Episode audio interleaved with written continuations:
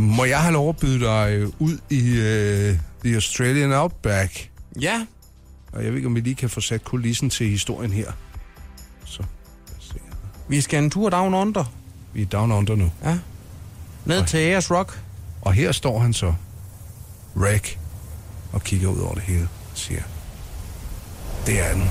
Det er kamelen. Han står ved lejren. Og så river han ellers sin gun op.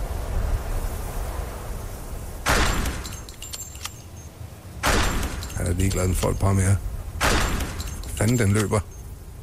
Ej, jeg kan se, den er ramt.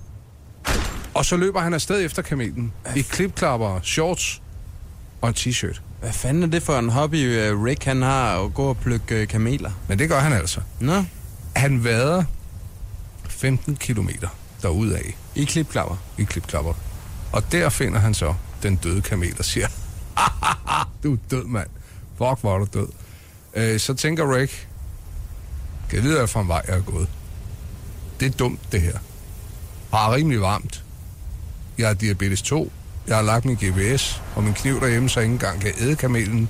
Og jeg ligger den. Super duper. Rick, han øh, tænker, det er noget skidt. Han lægger sig ned i seks dage. Hans organer har givet op. Han øh, finder lidt myre, han kan spise. Første dag spiser han 12, næste dag spiser han 18. Det begynder faktisk at smage rigtig godt. Men væske, det mangler han altså. Han ligger under den stegende australske sol. Altså, kan han ikke finde flere end 12 og 18 myrer? Men han har jo ikke nogen kræfter, vel, og han har ikke fået sin diabetesmedicin. Det hele stikker jo af. Nå, Øh, han er tæt på at dø her. Men lige pludselig, så lyder der sådan en...